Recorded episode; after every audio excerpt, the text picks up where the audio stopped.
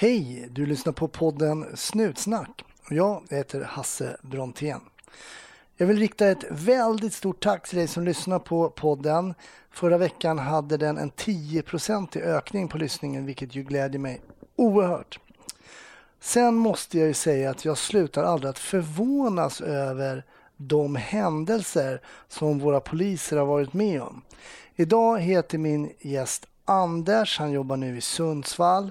Han berättar om en grej som man inte ens i sin vildaste fantasi tror ska hända en när man vaknar på morgonen. Jag blir givetvis jätteglad om du hänger med oss på Facebook eller på Instagram där vi heter Snutsnack. Jag vet att du kanske har skickat in ett eh, tips på en gäst. Jag får väldigt många tips och jag är så glad och tacksam för det. Men jag hinner inte få undan allting. Det är bara jag och om du inte ens har fått ett svar så ber jag om ursäkt. Men jag försöker jobba undan. Jag roddar ju det här allting själv så det, och jag, logistik är inte min bästa del alltid. Men ha förtröstan, snart dyker din önskegäst upp. Jag tar det kanske inte alltid i någon logisk ordning. så är det. Var försiktig där ute nu och ha en riktigt trevlig lyssning. 1310 1070 kom. 1310 Odengatan kom. Ja, det är uppfattat. Vi tar det. Slut. Bra. Klart slut. Ja, då säger jag varmt välkommen till Snutsnack Anders. Oh, tack så mycket. Ja, jag tog dig lite från, på, eh, liksom, av surprise lite. Jag bara mejlade dig helt enkelt och undrade om du ville vara gäst. Ja, ja det var himla kul alltså. Ja, ja. har ju följt med en längre tid och hört, inte alla avsnitt, men ganska många. Det är otroligt uppskattat. Ja, vad kul. För du håller ju till i, ja, man säger väl Norrland om Sundsvall va? Ja, det tillhör väl Norrland, även fast det, ja, det är 40 mil från Stockholm, så det är en bit. Ja, har du alltid eh, huserat där? Är du uppvuxen där också? Nej, uppväxt i södra förorten i Stockholm. Alltså, det är så? Min första karriär, jag blev polis på 80-talet då, så fram till 2001 så jobbade jag i Stockholm. Ja, det var så? Ja. Men när du säger alltså söder om Söder då alltså? Ja, Björkhagen och Bagarmossen närmare bestämt. Ja, men det är ju det är precis där jag är uppvuxen ju. Ja. Visst, Kärrtorp. Visst. Jajamensan. Ja, där var man ju ofta på ungdomsgården ja. den tiden. Hur, hur, hur var din uppväxt då? Nej, den var ganska hyfsad, det, det tycker jag. Eh, uppväxt på, ja, det blir mitten, slutet av 70-talet när man var tonåring. Ja. Men eh, eh, bestämde mig ganska tidigt för den roll jag har nu, att bli polis. Det var nog ganska tidigt. Och, någon, specie någon speciell anledning till varför du kom på att det var ett yrke för dig? Det har nog alltid funnits, alltså redan barnsben. Mm. Jag tror nästan redan innan jag började skolan var jag inriktad på det här, att bli oh. polis. Okej. Okay. Ja, det kom mycket tidigt och följde väl med hela skoltiden så att säga. Det fanns en inriktning på det här. Mm. Så det var det militärtjänsten och man, man sökte precis efter militärtjänsten. Då var det ju, det var ju neddragningar tidigt 80-tal i skolan. Ja. Man tog ju bara in, vad jag minns, 150 per år. Så. Jag sökte första gången 83 då. Mm. Och då fick man, jag gjorde alla tester och så här, men då ja, blev man inte uttagen till slut. Sen kom det lite annat emellan. Jag åkte på ett par svängar i FN-tjänster i utlandet. Mm. Och så sökte jag på nytt då och då kom jag in på skolan. Vilket år var det då? Då, då var det 88. Men alltså är vi kursare då? då? Vilket, gick ja, det gick ju två omgångar 88. Jag gick i februarikursen. Ja, då är du ett, då är du ett halvår före mig. Ja. Ja. Mm, för jag gick i augusti. Ja. Ja, men där ser man. Då, då i alla fall spatserade vi runt på skolan samtidigt. Ja, precis. Och sen även senare när du jobbade på Norrmalm och GLG-gruppen. Jag var ju på tunnelbanan mellan och fram till ja, 94 var jag på Tuck. Det var ju en speciell enhet då, alltså tunnelbana. Var det första du blev placerad på nästan eller? Ja, ja, jag var direkt placerad där. Ja, en speciell eh, enhet med eh, en otroligt trevlig tid. Jag, jag håller väl med många som säger att den la man ner för den var alltför effektiv. Det var så? Ja, jag tror det. Hur, eh, man slog sönder splittrade vad var ni satta att göra då, om vi ska beskriva det här, det man kallade för tuck då? Eh, ja, alltså vi var ju egentligen någon, stöd, någon form stödresurs till övriga distrikt. Va? En huvuduppgift var ju med tunnelbanan och kommenderingar, men sen hade vi även radiobilar. Mm. Och då var ju Stockholm indelat i vaktdistrikt. Mm. Alltså från vaktdistrikt 1 som var Norrmalm till nummer 6 som var Vällingby. Mm. Så vi hade ju alltid radiobilar som rullade i de olika vaktdistrikten. Antingen var man norr om stan i Vällingby då, som var VD6. Eller också var man i city. Då hade man VD1 som var Norrmalm, 2 som var Östermalm, 3 som var Södermalm. Eller också var man söder, 4 och 5 som var Farsta respektive Skärholmen. Och ni bytte om uppe vid, vid Brunkebergstorg va, satt ni? Ja, uppe vid Brunkebergstorg så satt ja, vakthållaren på tunnelbanan då så hela turerna. Och ja, huvudområdet där man var mycket, det var ju nere på, på Plattan. Mm. Vi hade alltid fotpatruller, både uniformerade och civila. Varför trivdes du så bra där då? Ja, det var en otrolig sammanhållning. En otroligt arbetsvillig tid och jag skulle inte vilja ha den ogjort. Alltid. Alltså det var, var 110 procent engagemang av allihopa. Det, det vill jag mena. Men allt har ju sin tid. Ja, men så är det. Men då var ni tillgängliga längs alla tunnelbanestråk så att säga och det var ju därför ni eh, ja, befann er i de olika distrikten, vaktdistrikten hela tiden. Jag kan tänka mig att det blev ju varierat, alltså bara miljö, rent miljömässigt så blev det ju betydligt mer varierat än att till exempel bara vara på VD1 då, som var Norrmalm. Mm, ja, ja, precis. Det är väldigt blandning, alla typer av jobb också så att säga och väldigt nära vakterna då i tunnelbanan, det var ju ABAB som stod där. Just det. På den tiden. Så det var ju nära och bra samarbete med dem. Och eh, även det som vi ser idag i de här vi säger, utsatta områdena som man har. Om vi tittar i Stockholm då. Eh, Tensta, eh, Akalla, Hjulsta, Rinkeby. Där var man ju ofta och det var ju även då vill jag mena, första hälften av 90-talet förekom ju bilbränder och stenkastning mot polis. Va? Mm. Jag vet att VD6, Vällingbys radiobilar, var ju sällan de åkte in där efter midnatt för de fick sina bilar sönderslagna. De var det några bilar som rullade i, i området där efter midnatt, då var det oftast tunnelbanan eller piketen. Så redan på den tiden då så kunde man ju se de här tendenserna då menar du? Ja, oh ja, det, det vill jag mena. Mm. Sen fanns det ju väldigt 90-talet tycker jag. Det, var, det fanns ju otroligt mycket grova rån i Stockholm. Post och bank. Idag mm. finns det ju inga pengar kvar på post och bank så det går ju knappt att råna. Nej, och värdtransport. Det börjar ju också komma upp mycket av de här ganska tunga gängen. Maskeradligan, Ronald Reagan-ligan, Fittja Boys fanns ju en gruppering där ute. Mm. Grimstagänget. Ja, ja. Eh, det fanns ett, hade man brist på jobb då åkte man ner till ett område och det känner ju du till som heter Lugnets industriområde. Det heter ju Hammarby sjöstad nu för tiden. Ja, precis. Där var det ju fullt med, ja det var både porrklubbar, svartklubbar och flera mc-klubbar då. Bland annat eh, de som senare blev Hells Angels Stockholm. Just det, MC Sweden. Just det. Så. Ja, man, det är ju intressant. Alltså, man, om du skulle beskriva för lyssnarna hur det såg ut där nere i Lugnets industriområde på den tiden. Det var ju egentligen bara baracker mer eller mindre med lite lokaler då uppbyggt. Det var ju ganska ruff, rufft, rufft område, liksom. ruffigt. Ja, ja, det var väldigt ruffigt område. Eh, det fanns ju naturligtvis vissa seriösa, det fanns mekaniska verkstäder och seriösa filmer också. Mm. det var ju en herrans blandning bland de här så att säga. Mm. Men eh, man sökte sig dit. Den fanns det också på minnas en svartklubb som körde ganska ordentligt och dit åkte man ju när stans... Det fanns ju inga femställen i Stockholm på den tiden. Nej. De ställena stängde ju tre men sen åkte man ju dit va, för de körde ju till sju eller senare på morgonen då. Just det. Mm.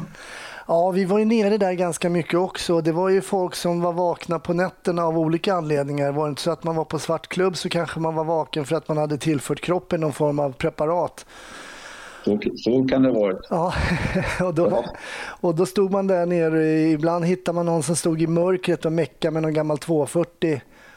Eh, och det var inte sällan en amfetaminmissbrukare som höll på att mecka. Man var förvånad hur mycket de meckade med grejer alltså. Ja, ja, otroligt. Och idag kan man ju inte ana att det har varit ett sånt område när man ser all den här i Hammarby sjöstad bebyggelsen. Nej, men man kan förstå att de fick sanera mycket, alltså, för det kändes som att det har nog runnit ner någon olja där i, i marken. Ja, ja. Det, det, tror jag också. Det sägs ju att Casco, limfabriken, hade sin stora fabrik där på 50-talet. På den tiden var man väl inte så noga utan det mesta av gammal färg och allt resten, det grävdes ju bara ner i marken. Ja. Ja, då behövs det saneras. Men, ja. men vad hände efter tunnelbanan då? Det låter ju som en spännande tid där och det, det är ju ja, ja, tunnelbanan. Jag tyckte sen efter, alltså efter fotbolls-EM så började man börja byta chefer och det var flera som drog sig därifrån. Eh, och eh, till slut då 94 så sökte jag mig till, till VD4 som var Farsta då. Mm. Året efter 95 så slog man ihop, blev det en omorganisation i Stockholm och då blev det Söderort. Mm. Med ett nytt polishus som fortfarande ligger i Västberga. Just det. Så, så där var jag. Fick svarmål som ytterbefäl där. Fick en tjänst 97 som ytterbefäl och var kvar till 2001. Och sen så träffade jag en ja, som blev min fru då. Och hon var här uppifrån. Och eh, 2001 så gick tåget upp till Sundsvall då.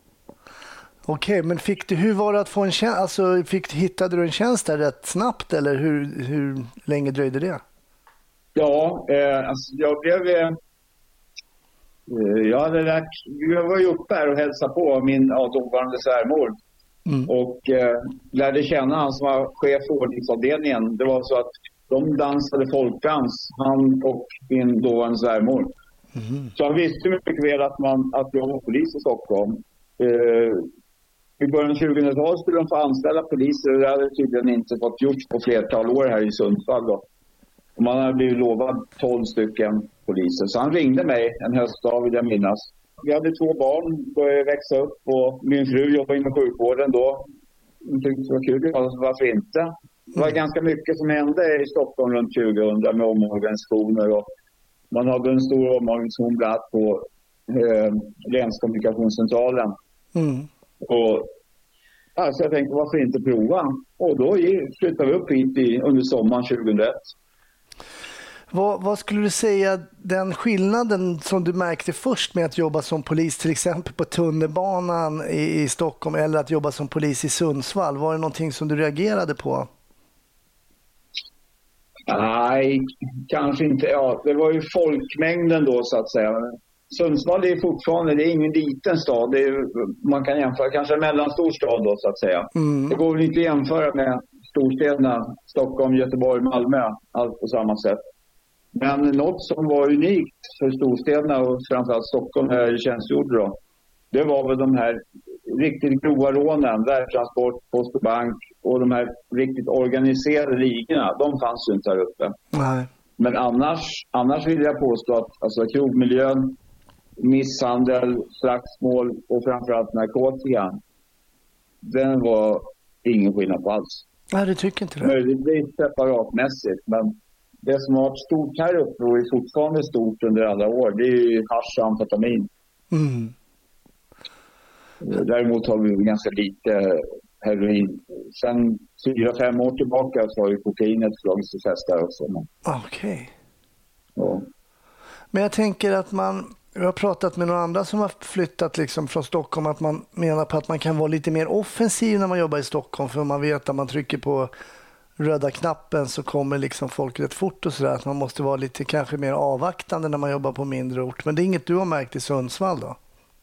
Nej, inte i Sundsvall och i tätorten där. Men det är klart, alltså, vi är, tillhör ju Västernorrland och jag menar, man kommer upp längre, Kramfors, Sollefteå och, och runt om. Då är man kanske bara en bil också. Ja. Då, då kanske det blir lite annat arbetssätt också för som sagt, sträckorna är ju längre naturligtvis. Mm, ja, men såklart, såklart. Just.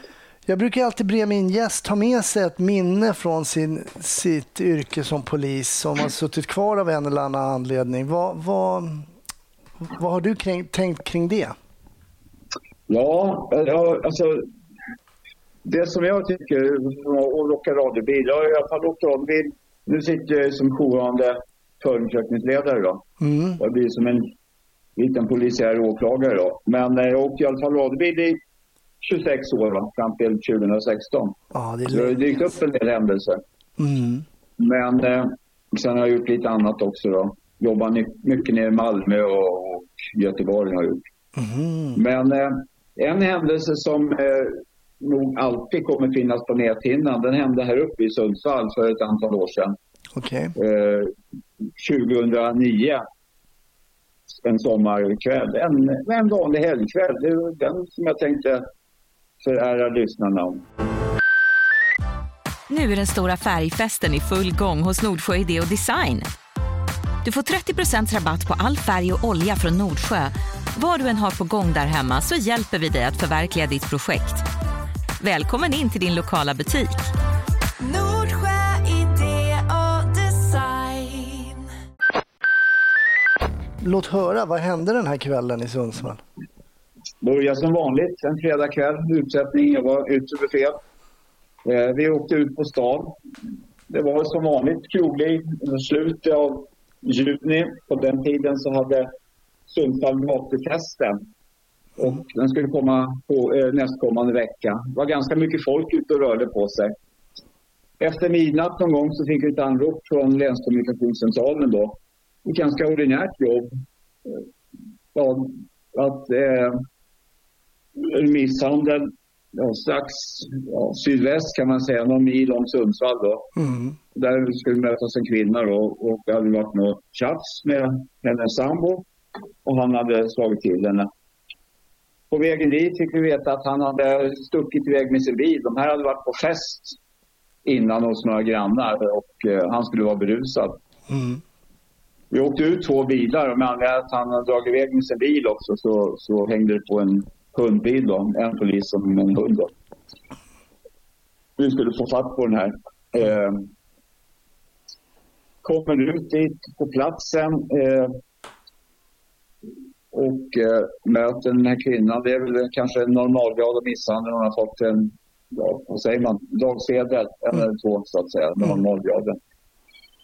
Men han har dragit iväg med bilen då, så det är väl det att vi ska försöka stoppa den här bilen som blir mest aktuella då. Så fram till, det här, så fram till det här skedet så är det egentligen, alltså missförstå mig rätt, en normal eh, misshandel så att säga som du säkert har varit på ett antal gånger tidigare? Ja, ja precis.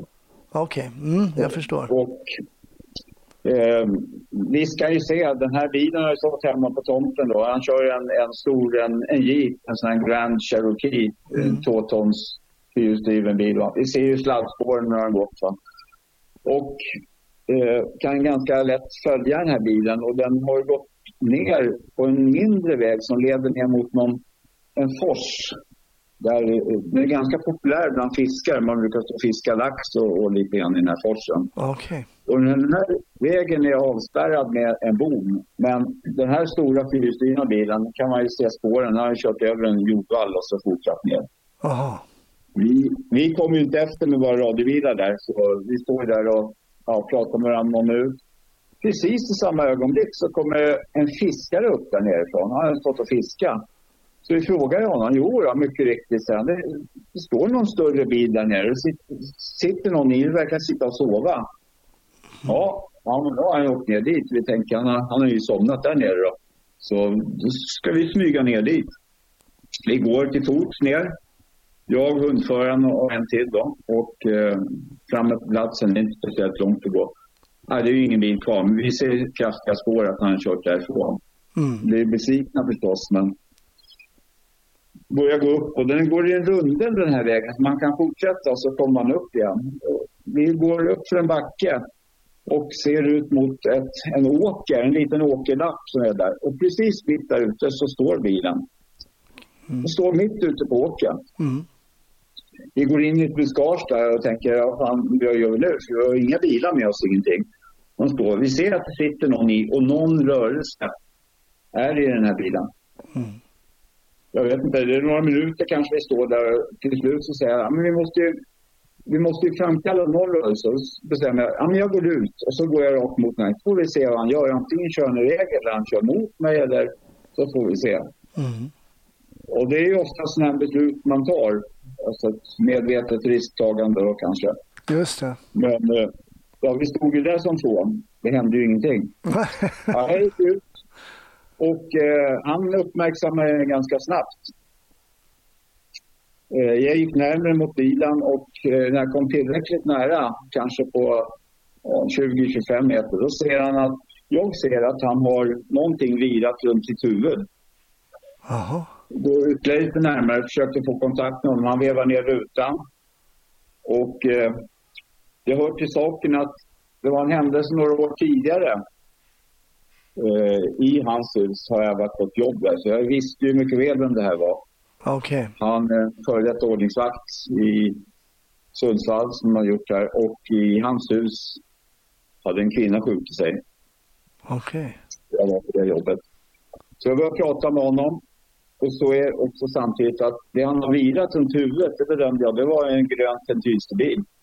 Oj, oj, oj. Och ska vi, ska vi, ursäkta om jag avbryter nu, men ska vi förklara också för de som inte vet vad det är för någonting? Vad är det för någonting? Ja, det är en sprängstubin. Och grön, det är ju alltså en civil färg då. Det skiljer på färger här i Sverige. En mm. grön färg i det militära till exempel, det är någonting som är blind, någonting som är övning bara. Men i den civila verksamheten så är den skarp. Mm. Och den bedömde jag att det var. Och då ja, förstod ju på något sätt att han hade väl sannolikt bestämt att ta sig själv av daga. Och för, nu flikar jag in här, men stubin för många är ju någonting som man tänder och sen så liksom fräser lite grann och så kommer det fram till det som sprängs så att säga. Ja. Men den här är ju liksom sprängs ju direkt. Ja, den kan, den kan kopplas till en detonator, alltså på elektriskt sätt mm. spränger den här då. Det är ingenting man tänder på, då är man inne på krutstubin. Just det, precis. Det här kan man ju spränga om man, om man virar en sån här stubin runt ett träd så kan man till exempel spränga av trädet. Liksom. Ja, jajamensan. Det, jag har ju lite sprängutbildning som min militära tid då. Då använder vi ofta pentil och spränga av små, små och större träd. Mm. Uh, han var ganska aggressiv och, och, ville inte prata och jag ville ju ha ur honom i bilen och komma till mig. Mm. Uh, men jag började prata med honom och så nämnde jag den här händelsen några år tidigare och då var det som han drastiskt alltså bytte skepnad och blev väldigt, alltså, väldigt sinnad och nästan gråtmild. Uh, vi hade väl ett prat med varandra. Samtidigt så hade min kollega, hundföraren, eh, gått ja, en 90 graders vinkel runt om och vi via eh, radion hade vi pratat med varandra hur vi skulle göra nu då. Allt var från att skulle han smyga sig fram och jag avleda verksamheten eh, och öppna dörren och skicka in hunden eller hur skulle vi göra? Mm. Jag kommer till det senare. Det var tur att vi inte gjorde något sånt. Okej. Okay. Eh, Ja, jag, jag pratade med honom. Det var nog ett utdraget. Vi fick en ganska bra kontakt, vilket jag bedömde. Stod där nog i 20-25 minuter. Mm. Uh, han pratade om sitt liv. Han ville inte prata om händelser som hade hänt som gjorde att vi var där i natt. Uh, att han hade skulder och etc. etc. Då. Plötsligt, alltså som, precis lika plötsligt som att han hade blivit vänligt sinnad så bytte han attityd igen och blev väldigt, väldigt aggressiv.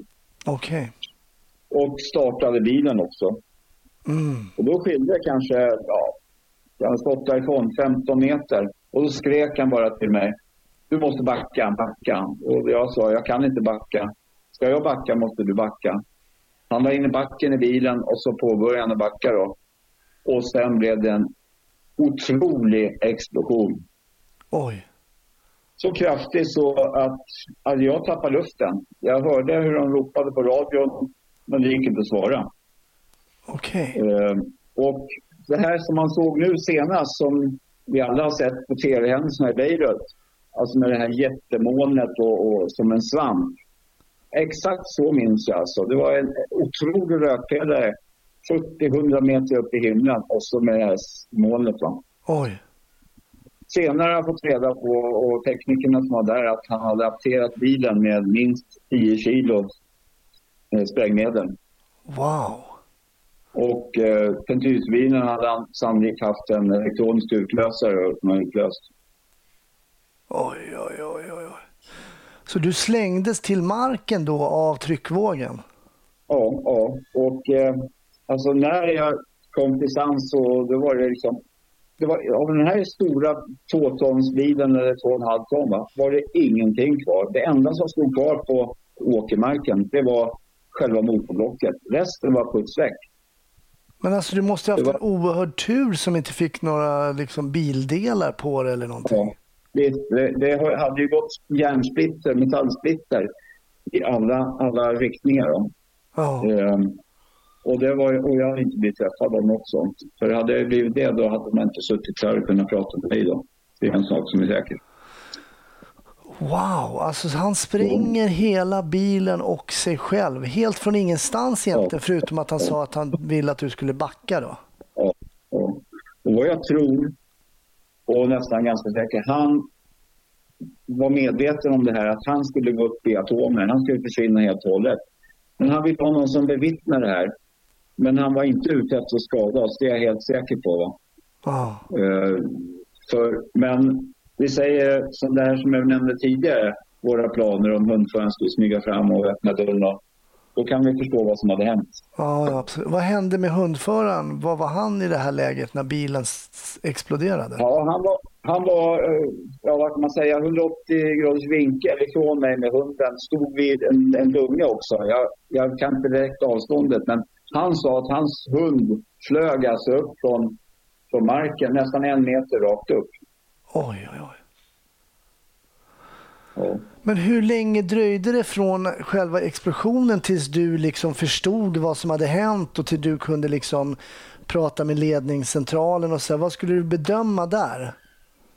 Ja, ja någon, någon minut eller det, det är jättesvårt att eh, veta exakt tid. Mm. Eh, och vår första tanke när jag fick kontakt med min kollega hundförande var att kan han ha smitit ut bakvägen och sprängt bilen mm. direkt.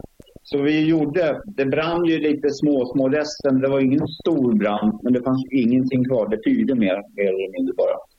Men eh, så fort vi närmade oss så såg vi att eh, det, det fanns ju ingenting kvar av bilen eller honom utan gräsmattan eller åkerstumpen som det var, den var ju täckt av splitter och små köttbitar. Wow, du nämnde precis i början att du hade gjort eh, FN-tjänst och sådär. du sa att du hade också den här kunskapen om färgerna kring pentylstubin och sådär. Vad tror du det, kan det ha påverkat ditt sätt att agera, att du har den här vapenkännedomen och sådär? Eller är man, vad händer ja, i ett sånt här läge? Ja, jag hoppas att all kunskap som man har fått då av olika saker, både vapen och, och sprängmedel och och även annan kunskap. Jag brukar resonera så att all kunskap är nyttig kunskap som man bär med sig hela livet. Och man ska försöka utnyttja den kunskapen man har till det bästa. Mm. Eh, det är ju lätt av anledningar så att säga att jag, jag tyckte det var så roligt att jobba som ett yttre fel också. Mm. Inte för att bestämma och visa handen utan verkligen ta till med min personal och utnyttja dem och deras kunskaper. Mm till att lösa problemet. Mm. För polisarbete är ju, det, om något så är det ju beror på samarbete för att man ska få en bra produkt. Just det. Vad händer rent polisiärt efter det här nu? Ni märker ju att bilen sprängs. Och eh, vad gör man då eh, rent polisiärt? Det här är ju såklart ett uppenbart självmord. Ja, ja, eh, ja vi, alltså redan tidigare och de har ju så vi, i en, en bit därifrån så var, hade ju räddningstjänsten redan landat och det fanns en ambulans också. De kom ju fram till den här platsen och för ambulansen var det inte så mycket att göra utan men räddningstjänsten de släckte det som brann fortfarande. Mm. Sen eh, var det i princip för dem att lämna. Platsen spärrades av här för teknisk undersökning. Mm. Och eh, de här delarna som fanns, nu, jag vet inte, nu kanske jag blir lite för makaber, gick ju och samlades ihop. Mm. Alltså de här människoresterna som fanns kvar. Mm. Eh, för, för det skrevs ju en brottsanmälan också. Han, han hade ju framkallat fara för andra. För Just oss då till exempel. Då. Mm. Eh, den skrevs ju visserligen av gentemot att den här som hade orsakat blev ju avliden. Mm. Det, fanns ingen, det blev ju ingen rättsprocess efteråt. Nej, det är ju förståeligt då eftersom den misstänkte inte lever längre. Men jag tänker visst är det makabert det du berättar att man ska plocka upp. Men det som är också nyttigt att veta är att någon måste ju göra det här. Mm, mm, Alltså det här precis. måste ju kan, tas om hand. Och man kan inte förlita sig på, på att någon annan gör det, utan någon måste göra det. Det jag vet ju från tiden, nu faller jag tillbaka, med tunnelbanan. Mm. Alltså, vi var ju ofta fick ju åka på person under tåg. Mm. Eh, och då var ju räddningstjänsten var ju naturligtvis nere när man hade eh, de hade jordat spårområdet men vi var ju också ganska, ja, vi fick ju ta reda på resterna. Mm. Så, så ja, det, det är väl en uppgift som man har haft genom åren och, och jag vet inte vad man ska säga om man har lärt det men, men någon måste göra det här. Hur har du reagerat på det här om du åker på till exempel em, ett självmordsförsök framför tåg och person under tåg? Hur har du reagerat på det personligen? Ja, när man är på platsen så tror jag man, man, man agerar ganska professionellt och, och, och man gör precis det man ska. Mm. Eh, och, och det här också att, att det här då är då en person som kanske har med vett och vilja gjort det här. Mm. Jag tycker eh, de svåraste jobben, tycker jag personligen, det är de här svåra trafikolyckorna. I synnerhet om det är barn inblandade. Mm. Där kanske en, en förare of, ibland eller ofta drogpåverkad eller berusad kommer upp till sida och krockat med den här fyrbarnsfamiljen eller tvåbarnsfamiljen. Mm. Alltså livet har blivit förändrat på en sekund för en hel familj som är totalt oskyldig. Mm. Den här som kastar sig framför ett tåg eller bil eller någonting har ju, må ju ha en otroligt tragisk historik och allting. Har, ju- har ju ändå bestämt sig så att säga. Mm. Jag har ju pratat med ett antal tåg och tunnelbaneförare genom åren. Och vissa kanske kört på en och aldrig kunnat gå tillbaka till sitt arbete och vissa har kört på både tre och fyra stycken. Va? Mm. Där man har resonerat på ett sätt. Ja, men jag kör ju ett lok här med 20 vagnar som väger 100 ton. Jag kan omöjligtvis stanna det här på 10 meter. Nej, det går inte. Och, och, och, och jag, hur jag än hade agerat så hade jag inte kunnat gjort någonting åt det. Nej, just det.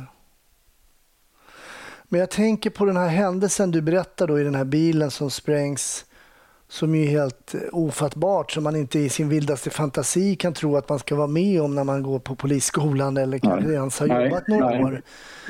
Vad hände när du liksom släckte lampan där på kvällen? Kan man överhuvudtaget liksom komma till ro efter en sån grej? Ja, eh, nu när det här hände hade jag ju åtminstone varit polis i 25-tal år. Då. Ja, Eh, men men eh, oh, det, var, det var nog inget problem. Det ser man ju, alltså de här primära behoven man har alltså med, med mat och sömn och de saker. Utan det är ju sen då. Eh, och det tror jag också det är ett stort bra polisen har blivit mycket bättre på att bearbeta. Att man får hjälp att bearbeta sådana händelser mm. Efteråt med någon form av debriefing, samtal och, och man lägger inte bara i sin ryggsäck obearbetad. Va? just det, precis. Det tror jag också. Så, så den här händelsen har ju fastnat på grund av att den, den var så otroligt dramatisk och, och framförallt den var helt oväntad. Va? Ja. Det här hade ju ingen av oss förväntat oss. Nej.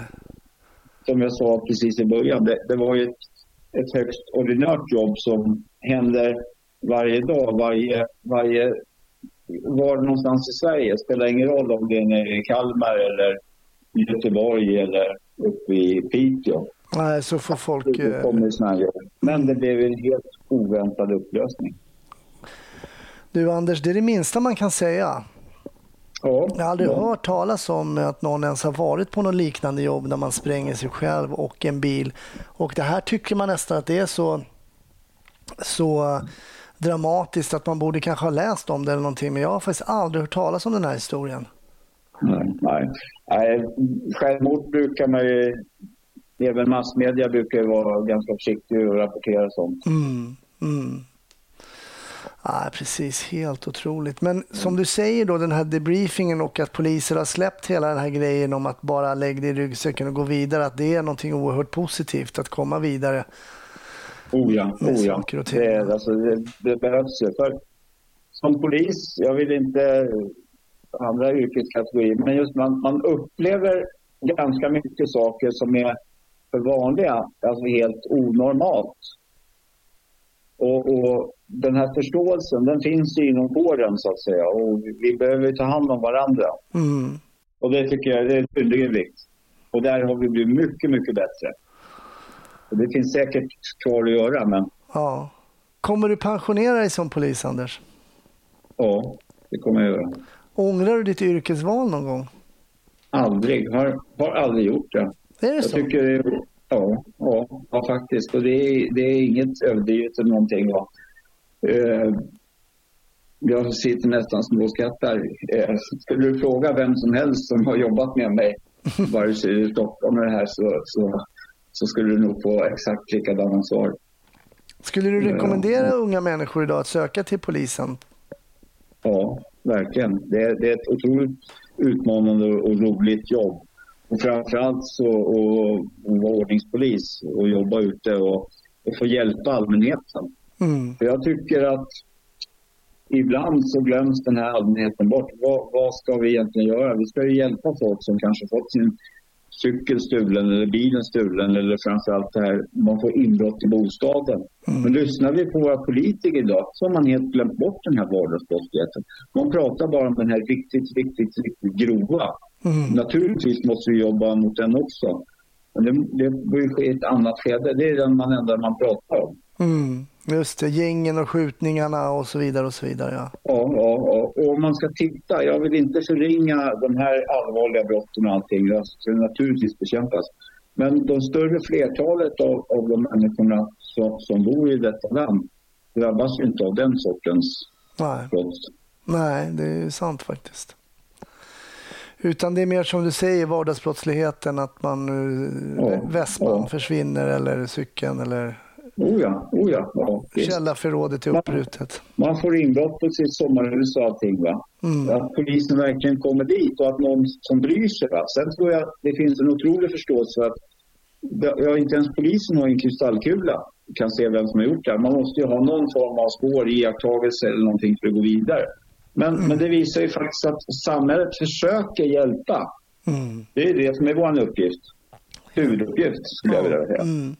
Intressant eh, tankegång där att det faktiskt är så. Men det är ju inte eh, inbrott i eh, källarförrådet som skapar några rubriker. Eh, såklart. Och det, då är det det som kommer lite i skymundan. Mm. Ja, Ja, intressant ja. tankegång. Vi brukar alltid runda av med att höra om du kollar på polisfilmer. Eh. Ja, då. Det, det brukar jag göra. Beck-filmer har jag nog sett allihopa. ja, Flera gånger vissa avsnitt också. och du sitter inte och irriterar dig då på att det inte är Nej, nej det, det gör jag inte. Alltså, jag tycker de flesta är ganska välregisserade och, och de är bra. Ja, det, ja. det tycker jag. Ja. kan sitta och småskratta. Men visst kan man iaktta fel, men, ja, men sån där, man kan inte vara dömande. Det är underhållning. Ja, ja precis. Ja, Ja, precis. det är det. Har du någonting som du har sett på senare tid, eller det behöver inte alls vara på senare tid, något som du kan rekommendera till lyssnarna som sticker ut? Ja, ett boktips kan jag rekommendera kanske. Ja, absolut, vad kul. Så Ja. ja, på, på mitten av 90-talet, jag, jag var inne på det tidigare, det var mycket mc-klubbar och allting som fanns i Stockholm. Mm, Eh, det fanns någonting som hette MC-kommissionen i det. Stockholm city. Mm, Den drevs av, en- av en herre han är en före detta polis nu. Men han har även skrivit böcker och manus till en hel del filmer. mm. Eh, Tage Åström. Han har även, varit- även varit gäst i Snutsnack. Jajamensan. Och han har ju jag ihop en del med. Då. Vi hade en MC-konvention i söderort också, så vi hade en del samarbeten. Ja. Han skrev en bok som heter Den aningslöse. Ja, Den handlar ju om snutar, infiltratörer och undervärlden då, framförallt i Stockholm. Mycket läsvärd. kul. Den aningslöse Precis. av Tage Åström. Och Tage har ju varit med och skrivit också till, ehm, eh, vad heter de, inte Beck utan Falk. Johan Falk-filmerna har ju skrivit, Falkfilmerna, manus ja. skrivit ja manus. Ja. Och eh, ja, Tage var ju eh, både känd och ökänd på sin tid. Ja, en karaktäristisk herre. Såna, såna, jag tror att samhället behöver sådana också, så att säga. Som, Ja. eh, eh, ja, på rätt sida om lagen. Och Ja. det vill jag mena. Sen, ja. Ja, det är kul. Jag jobbade med ett tag också och eh, även, vi var ju programledare för Efterlyst ett tag tillsammans också. Mm. Så att, ja, det är nästan som man får bjuda in honom igen. ja, det tycker tills jag. nu. Det Han har tycker många jag. Han är historier. väl värd Ja. mycket historia. Sen Anders måste jag ge dig, du måste ge dig cred för att du har ju liksom stockholmskan i behåll. Okej, tack så mycket. Ja, jag har ju, bara, jag har ju bott här 19 år nu. Ja. Lite försöker ju behålla. Ja, det är bra. Men- det är viktigt. Den Men när jag kommer ner till Stockholm då får jag själv det för att jag pratar som en bondpojk. Nej, men man, det, det, jag tycker den finns kvar ändå. Jag tycker att det, det är bra. Du har inte släppt den helt. Det, du får en eloge. Tack så du ha. Ja. Det värmer. ja, du, jag bugar och jag bockar. Tack för eh, att jag fick eh, stjäla en timme av din tid och att du delade med dig av den här oerhört dramatiska och spännande historien, Anders. Mm. Ja, jag, jag hoppas den blir uppskattad också. Jag tackar dig också. Jätteroligt att få vara med och delta. Ja, vad Så roligt. nu är det en timme till så börjar jobbet kalla. Ja, Jag börjar halv tre då säger jag som jag brukar säga. Var försiktig där ute. Jag lovar. Ja, ha det fint. Ja, detsamma. Hej. Hej då med er.